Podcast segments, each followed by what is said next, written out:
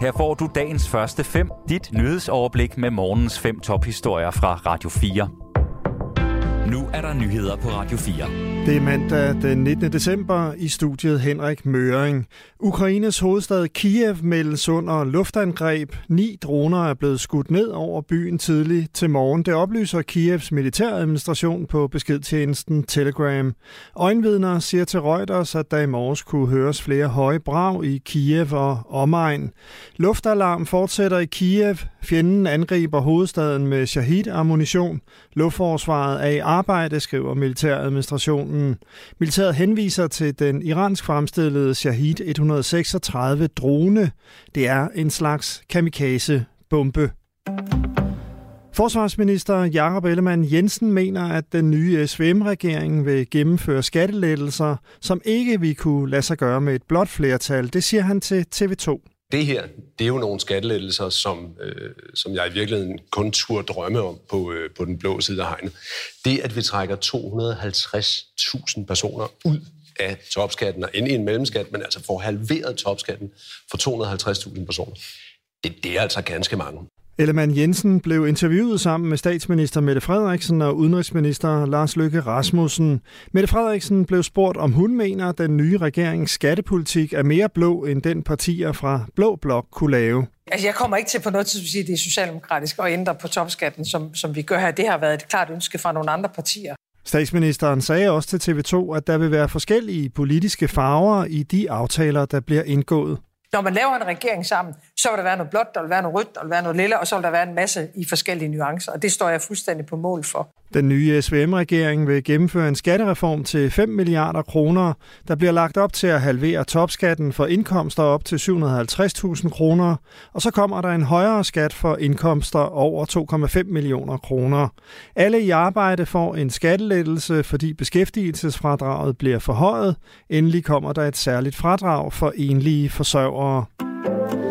Hvis man skal arbejde på den helligdag, som SVM-regeringen vil afskaffe, vil man få fuld, fuld løn. Det siger Mette Frederiksen, Jakob Ellemann Jensen og Lars Løkke Rasmussen i et fælles tv-interview med DR.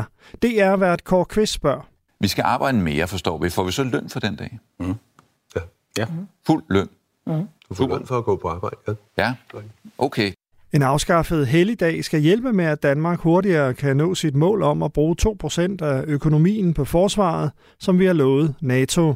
Regeringen mener, at Stor Bededag er det mest oplagte bud på en helligdag, man kan sløjfe fra 2024. Fodboldfans har i aftes havet flere franske byer med sten, flasker og fyrværkeri. Det skete efter, at Frankrig havde tabt VM-finalen i fodbold til Argentina. I Paris, Nice og Lyon strømmede tusindvis af fodboldtilhængere ud i gaderne. I Paris eksempelvis støtte urobetjente sammen med fodboldfans. Mere end 100 blev anholdt, oplyser en fransk tv-station. Videooptagelser viser kaotiske scener, hvor fans kaster sten, flasker og fyrværkeri mod politiet.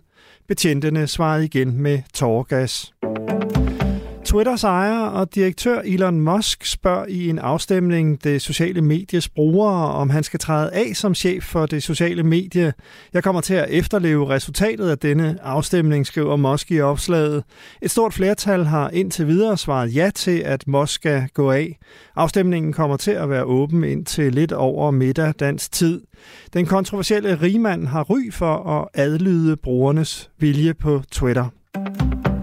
Ruslands regering vil sende operasanger, musikere og andre kunstnere til fronten i Ukraine, ikke for at kæmpe, men i et forsøg på at styrke moralen blandt de russiske soldater.